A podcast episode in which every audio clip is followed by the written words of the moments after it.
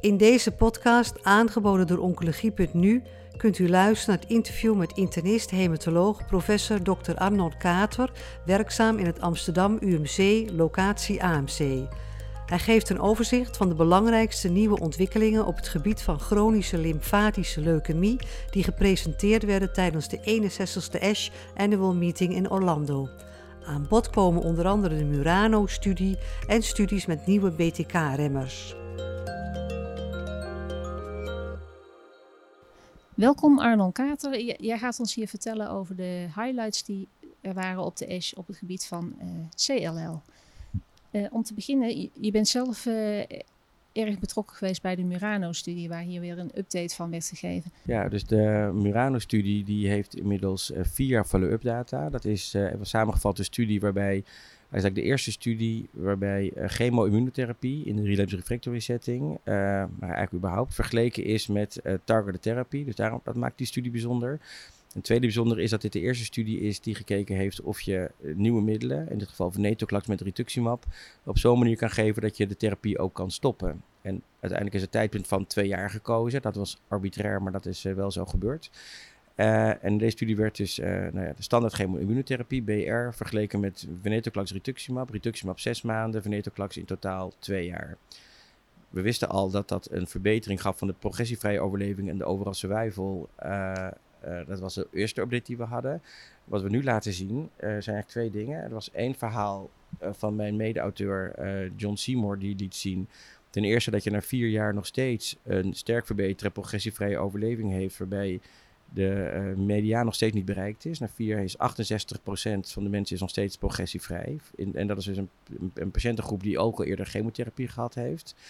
Tweede belangrijke highlight is dat eh, MRD, eh, minimal residual disease, op het moment van einde van de behandeling heel erg voorspellend is of je wel of niet een relapse zal krijgen. Waarbij er ook nog eigenlijk nog een tussenvorm. Het is niet alleen maar zwart en wit. Uh, je bent of MRD positief of negatief. Maar je kan MRD laag positief zijn en hoog positief. En die hebben ook een onafhankelijke uh, waarde. En het allerbelangrijkste, denk ik, van deze uh, abstract was dat we nu ook data hebben van wat moet je nou eigenlijk doen na venetoclax. Want je gaat natuurlijk binnenkort patiënten krijgen. En we weten dat niemand weer, vrijwel niemand gaat genezen hiervan. Dus wat doe je dan hierna ermee? En er zijn data verzameld van mensen die in de Murano-studie een relapse hebben gehad. Het zijn nog kleine aantallen, maar ze zijn er wel. En waarbij wordt gezien dat 100% van de mensen die hier na de venetoclax uh, progressie ibrutinib geeft, een respons hebben. En dat dat ook voor meer dan de helft van de patiënten die je opnieuw venetoclax geeft na stoppen, dat je daar ook een uh, respons bij ziet. Dus dat, dat, was denk ik het belangrijkste van die abstract. En dan meteen daarachteraan mocht ik op het podium staan. En uh, hebben we gekeken met een aantal methodes welke kun je nou van tevoren voorspellen welke patiënten het wel en niet goed gaan doen op uh, deze nieuwe therapie die nou ja, twee jaar duurt, ook wel prijzig is. Dus als je kan inschatten welke patiënt er wel niet van profiteert, kan dat heel erg helpen met A, of je het moet doen en B misschien ook wel in de toekomst hoe lang je het moet doen. Nou, er kwamen een aantal dingen uit. Ten eerste vinden we dat uh, complex karyotypen, dat hebben wij gemeten door uh, arrays te doen. Dus dat is uh, op DNA niet op hele cellen. We hebben gevonden dat als je vijf of meer afwijkingen hebt, maakt het eigenlijk niet uit waar je ze hebt. Als je er vijf of meer hebt, die mensen doen het echt heel veel slechter. Sterk gecorreleerd met positieve MRD en slechte progressievrije overleving dan een intermediate groep. Die heeft drie of meer afwijkingen. Of een, een geen complexe groep. Ten tweede hebben we nog gekeken naar uh, genmutaties met whole exome sequencing. En ik denk belangrijk om te vermelden dat P53, wat natuurlijk de bekende uh, slechte voorspeller is voor chemotherapie, nu niet als heel sterk eruit kwam. Dus het lijkt echt of patiënten met P53 heel erg goed, misschien wel even goed profiteren als mensen zonder een P53-mutatie. Wel werden er een aantal andere genen ontdekt waarvan de waarde, denk ik dan, te, de, het aantal echt te klein zijn om er echt in de kliniek iets mee te doen. Maar het geeft wel richting over hoe resistentie werkt. En als derde en laatste hebben we ook gekeken naar um, transcriptomics. Dus we hebben gekeken welke welke RNA tot expressie komt. Dat is nog allemaal heel erg preliminair, maar wat we in ieder geval met name gekeken hebben is of die BCL2-familieleden, wat eigenlijk de target is van venetoclax, of die uitmaken.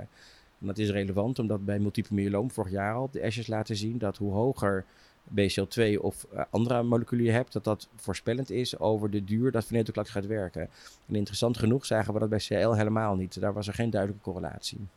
En uh, dit ging over behandelingen in de tweede lijn. En er waren er ook nog een, uh, een heleboel studies die keken naar de behandeling in de eerste lijn. Uh, een daarvan was de, de Elevate TN-studie met acalabrutinib. Ja, er zijn dus een aantal studies in de eerste lijn geweest. Eén is combinatiebehandeling, als ik het zo mag oppakken.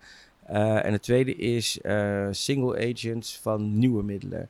En dus ik begin met die combinatietherapie. Daar uh, was Elevate is dan de eerste studie, eerste groot, echt hele grote studie van acalabrutinib in de eerste lijn. Acalabrutinib is eigenlijk het nieuwere broertje van ibrutinib, waarvan geclaimd wordt dat het een uh, betere uh, specificiteit heeft, dus minder off-target effecten. Of dat echt heel veel uitmaakt, dat, dat vind ik nog moeilijk om in te schatten eigenlijk. Er loopt al heel lang een studie, ook in Nederland, met een Hoven Associated studie, acalabrutinib versus ibrutinib in de tweede lijn of in een relapse-lijn. En daar hebben we eigenlijk nog steeds geen data van. Dus ondertussen blijft het een beetje appels met peren vergelijken, denk ik.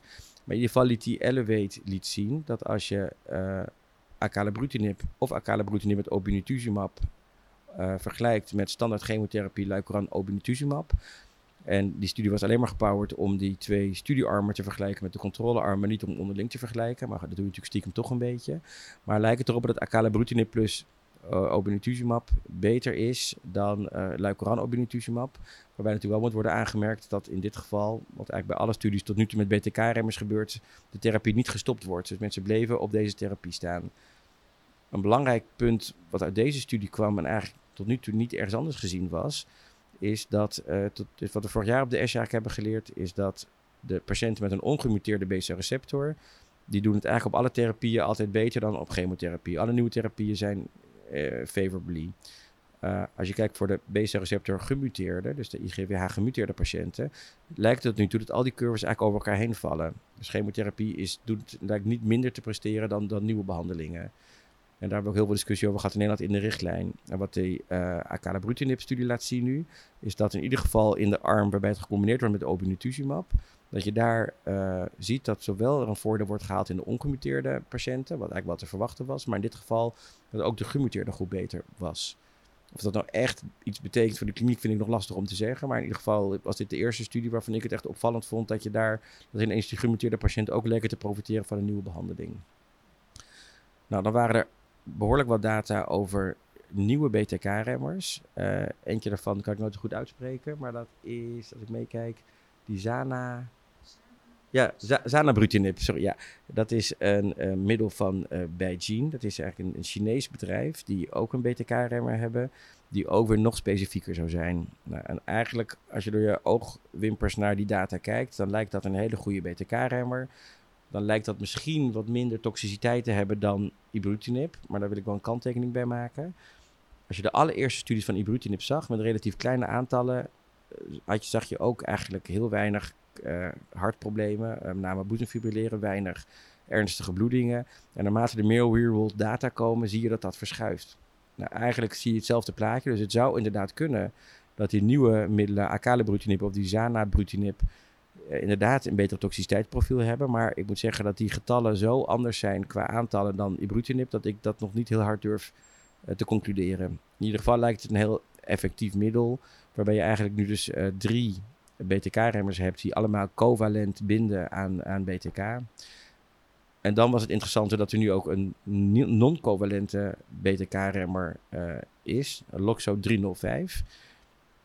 En ergens een beetje onverwacht, want het hele idee is steeds dat, dat het feit dat het covalent bindt, betekent dus dat het eigenlijk niet meer vanzelf los kan komen, dat dat juist hele grote stabiliteit geeft en daarmee heel veel effectiviteit. En het grote probleem van die wat er steeds een groter probleem gaat worden van die covalente binders, of je nou Acala neemt of ibrutinib of een van de andere, een andere, is dat je resistentie kan krijgen in het BTK-gen. En uh, wat er dan gebeurt, is eigenlijk het bind nog steeds, alleen je krijgt een non-covalente binding, wat de binding zwakker maakt en dat geeft aanleiding tot resistentie. Het nieuwe middel wat er gepresenteerd werd nu, Loxo 305, met best, uh, vond ik, uh, goede data, uit Australië met name van uh, Constantin Tam uit, het, uh, uit Melbourne. die liet zien dat patiënten A er goed op reageerden. Nou, dat was één interessant ding. Maar het belangrijkste was dat er nu ook een effect is bij mensen die die BTK-mutatie hebben. Dus dat zou dus een optie zijn voor mensen die op de gewone BTK-remmers falen. En dan gaan we denk ik toch langzaamaan steeds meer naar een CML-achtige setting, maar dan voor de CLL, dat je je kan beginnen met de ene kinase-remmer totdat die niet meer werkt. En dan kan je overstappen op de ander. ja, hoe lang dat dan gaat werken. En omdat het niet covalent gebonden is, of dat nou uh, uiteindelijk echt voor enorme verbetering zorgt, wil ik nog een beetje voorzichtig in zijn. Maar ik denk wel dat het een hele interessante uh, nieuwe weg is waar we ingaan. En dan was er nog een studie van, dat wordt eigenlijk bijna vergeten. Is, is er überhaupt nog een waarde voor chemotherapie in deze ziekte? Nou, dat, dat is een terechte vraag. Ik denk dat dat moeilijk te bestuderen is, omdat er natuurlijk heel weinig uh, financiële middelen zijn om echt weer goede chemotherapie-studies te doen met alle nieuwe middelen. Maar er was wel één interessant verhaal waarbij uh, een combinatie werd gegeven van ibrutinib met chemotherapie, met FC en uh, obinutuzumab. En wat het aardige was van die studie, was dat zij met veel lagere doseringen chemotherapie, maar door toevoegen van ibrutinib, eigenlijk hele goede waardes hadden. En daarmee zou je ook misschien vroegtijdig ibrutinib kunnen stoppen. Dus hoewel we eigenlijk, denk ik, te weinig data gaan krijgen over die combinatie om te weten of dat echt een plek heeft, is het natuurlijk wel een interessante gedachte dat je in plaats van dat je helemaal geen chemotherapie meer geeft, een soort mix gaat maken, waardoor je misschien ibrutinib-achtige middelen wel tijdelijk kan stoppen en misschien heel lange PFS'en kan hebben, waardoor je diezelfde middelen in de toekomst nog een keer kan inzetten. En als dat minder toxiciteit geeft, zou dat wel winst zijn, denk ik. En dan uh, waren er ook nog een aantal studies die keken naar de, de pathofysiologie van, uh, van CLL. Ja, ik denk twee, interessante dingen. Eén uh, is dat, hoewel die middelen allemaal heel goed zijn, weinig toxisch zijn, hele goede PFS'en geven, gaan we er toch van uit dat, dat je niemand geneest op venetoclax of ibrutinib. En de vraag is een beetje, als dat zo'n goed middel is, waarom is dat nou zo? En eigenlijk wat we al heel lang ja, proclameren, blijkt toch echt steeds wel weer ook eruit te komen, is dat die CLL-cellen in het bloed best heel kwetsbaar zijn, maar dat ze uh, in de, uh, in de lymfkliersetting een, een eigen micromilieu maken waarbij resistentie ontstaat. En dat was een verhaal van mijn collega Erik Eldering uit het AMC. Uh, waarbij we hebben gekeken naar metabolisme. En wat we zien is dat in de lymfklier het metabole profiel heel anders is. Veel actiever metabolisme. En dat dat metabolisme leidt tot uh, expressieprofielveranderingen van BCL2-familieleden, waardoor resistentie in van venetoclax kan ontstaan. Nou, of dat nou echt de, de, de reden is dat venetoclax-resistentie ontstaat, is niet, weet ik nog niet.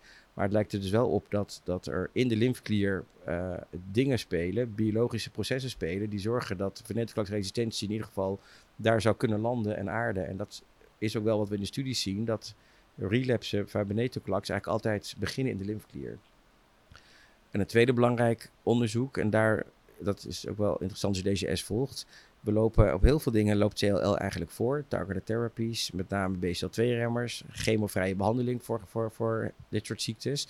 Daarvan is CLL echt de koploper geworden. Maar we zijn aan alle kanten ingehaald als je kijkt naar T-celtherapie. Zowel CAR-T-cellen als bispecifieke antistoffen als checkpoint-remmers. Dat werkt allemaal echt een stuk beter bij agressievere lymfomen en, en ALL dan bij CLL. En een van de redenen is dat door de waarschijnlijk langdurige interactie van CLL-cellen met de eigen afweercellen, met de eigen T-cellen, er een T-celdysfunctie ontstaat. En er waren nu een paar aardige verhalen uh, die eigenlijk meer ingingen in uh, het fenomeen welke uh, contact is nou eigenlijk tussen die twee cellen, tussen de CL-cel en de afweercel, is nou belangrijk voor zowel voor in het micromilieu. Van we denken dat eigenlijk T-cellen door de CL-cel, als je dat zo mag zeggen, misbruikt worden voor hun eigen gewin. Uh, en andersom, welke factoren van de CLL-cel nou zorgen dat die T-cel minder goed werkt. En als dat toch langzaam ontrafeld gaat worden, uh, dan kunnen we toch langzaam ook gaan denken aan T-celtherapie voor CLL. En ja, dat is natuurlijk de grote hoop. Dus dat je daarmee wel curatie krijgt.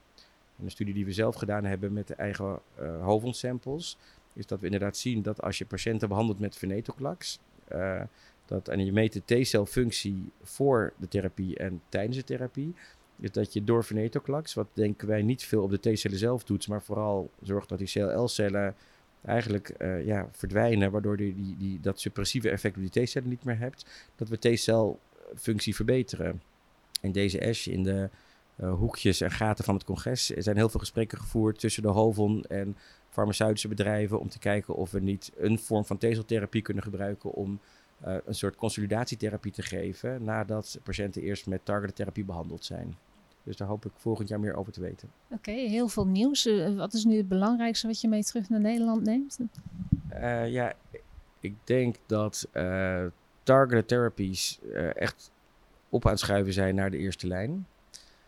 uh, dat dat belangrijk is. Ik denk dat, hoewel het even geduurd heeft, toch het hele veld inmiddels wel vindt dat continue behandeling tot aan progressie, wat we eigenlijk bij myeloom ook kennen, dat dat voor CL toch minder wenselijk is, omdat het A altijd resistentie geeft, B je, hoe meer real-world data er komen, hoe beter we zien dat er toch echt ook wel vervelende bijwerkingen zijn. Ehm, en C, dat dat eigenlijk ongelooflijk prijzig is. Uh, dus dat, dat, dat, dat denk ik wel dat we echt steeds meer gaan naar targeted therapie. En of dat nou een combinatie met venetoclaxibutine wordt of uh, met een CD20 antistof of alle drie tegelijk of sequentieel, dat, dat wordt de grote puzzel de komende paar jaar. Oké, hartelijk dank. Bent u geïnteresseerd in meer podcasts? Deze zijn te vinden op de website oncologie.nu.